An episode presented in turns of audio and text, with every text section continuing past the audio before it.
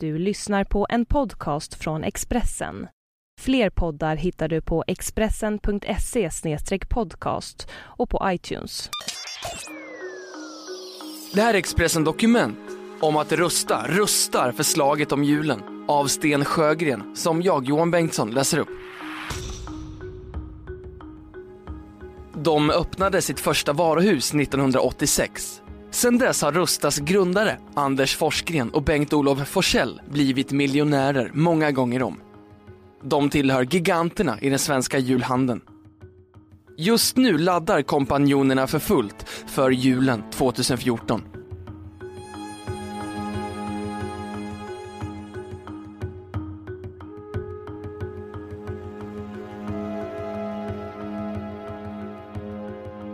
Säljsnacket sitter när kompanjonerna Forsgren och Forsell visar runt i Rustas varuhus i Upplands Väsby.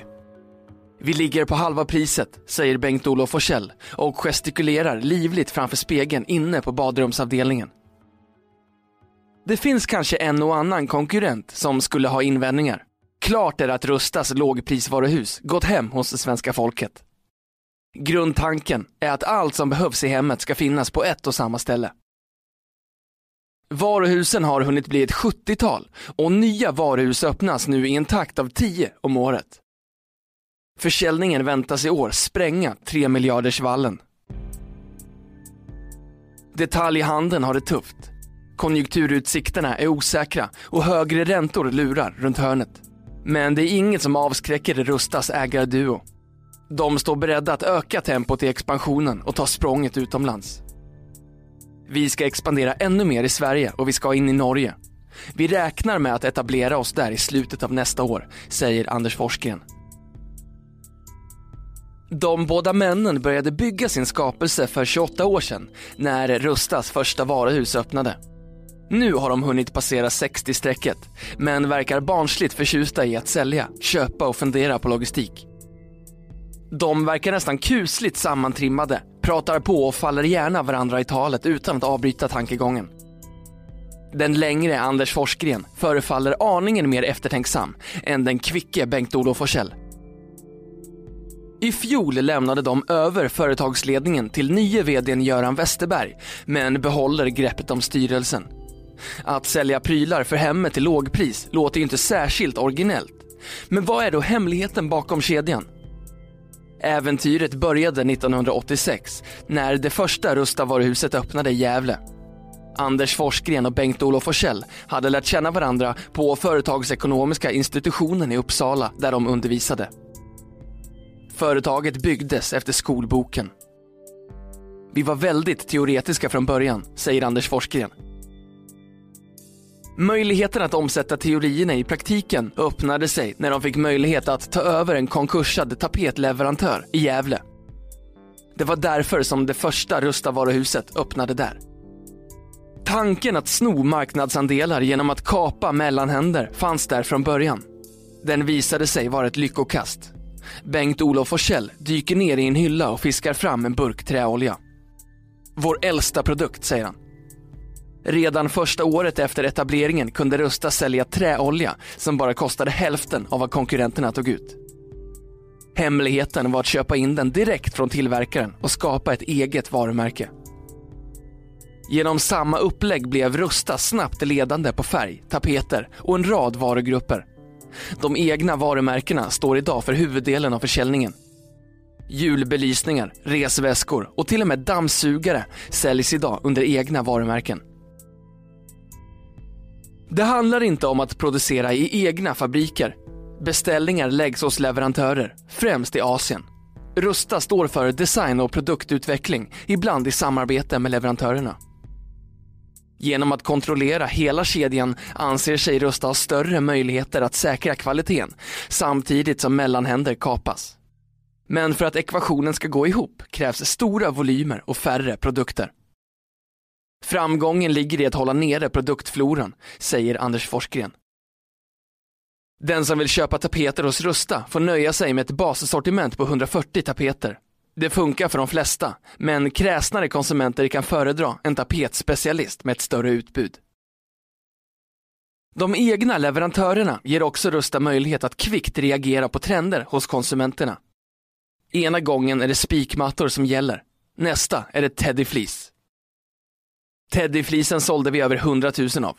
Det tog oss sex månader att få fram den. Vi var snabba, men det borde gått på tre, säger Bengt-Olof Forsell. Vandringen har inte alltid varit lätt för uppstickaren som blev branschbjässe. När det tidiga 90-talets finanskris slog till låg Rusta med tunga lån. När dåvarande riksbankschefen Bengt Dennis höjde räntan till 500% fick Rustas ägare det hett om öronen. Vi hade några motiga år, minns Anders Forsgren. Som uppstickare fick de, fick de finna sig i att konkurrenterna slog tillbaka, ibland med fula metoder. Det är människor som inte tyckt om oss, säger Bengt-Olof Forsell. Ett rykte som förföljde Rustas ägare var att de skulle ha kopplingar till den kristna församlingen Livets Ord. De dementerade ryktet åtskilliga gånger och när de försökte utreda varifrån det kom ledde spåren till en konkurrent. På några områden har Rusta fått vika sig i konkurrensen. Vitvaror är ett. När kriget bröt ut mellan elektronikjättarna var det säkrast att retirera. Det gick inte att tjäna pengar, säger Bengt-Olof Forsell. Verktyg är ett annat område där Rusta inte kunnat matcha de hårdaste konkurrenterna.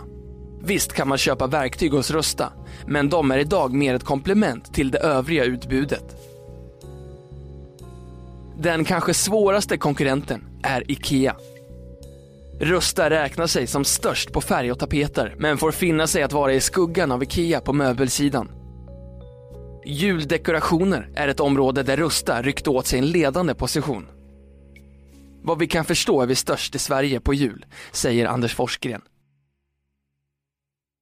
Redan i början av oktober gjorde julen sitt intåg i Rusta-varuhusen. Konceptet är identiskt i alla varuhusen och ockuperar en tredjedel av butiksytan. Julen fanns i tankarna hos de bägge ägarna redan tidigt i höstas. Fast nu pratar vi julen 2014.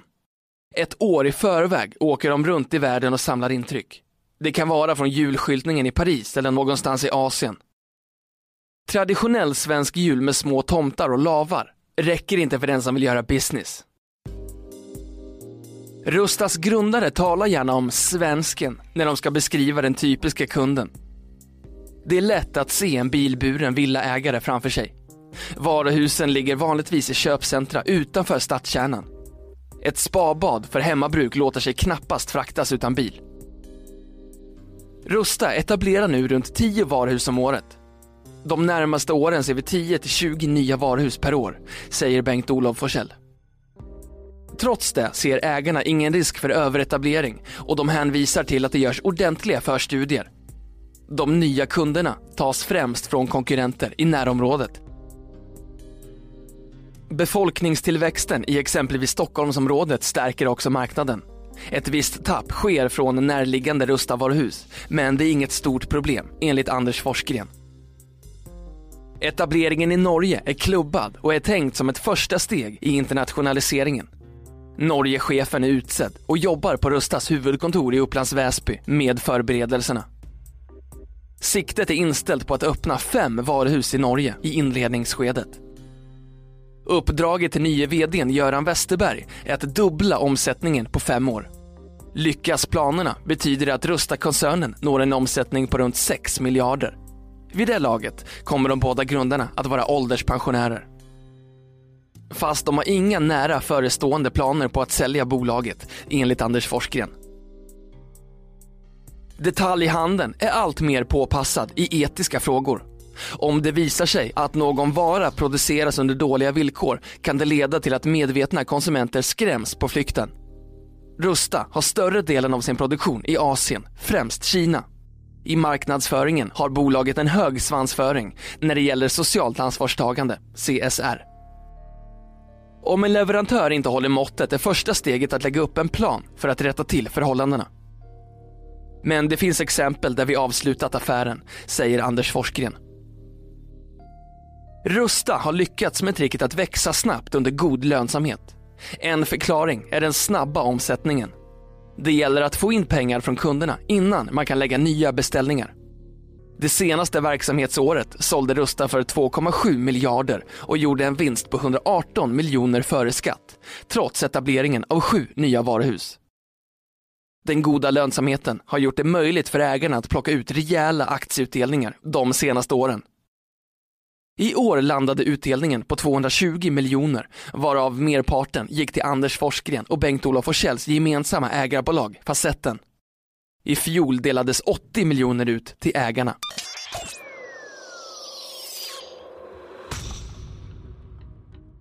Du har lyssnat på en podcast från Expressen.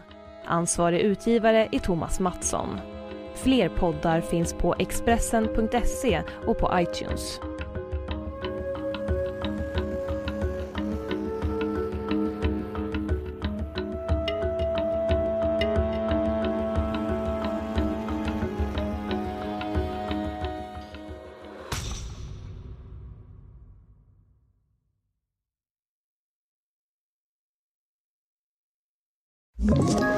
Ett poddtips från Podplay. I fallen jag aldrig glömmer djupdyker Hasse Aro i arbetet bakom några av Sveriges mest uppseendeväckande brottsutredningar. Går vi in med hemlig telefonavlyssning och, och då upplever vi att vi får en total förändring av hans beteende. Vad är det som händer nu? Vem är det som läcker? Och så säger han att jag är kriminell, jag har varit kriminell i hela mitt liv men att mörda ett barn, där går min gräns. Nya säsongen av Fallen jag aldrig glömmer på Podplay.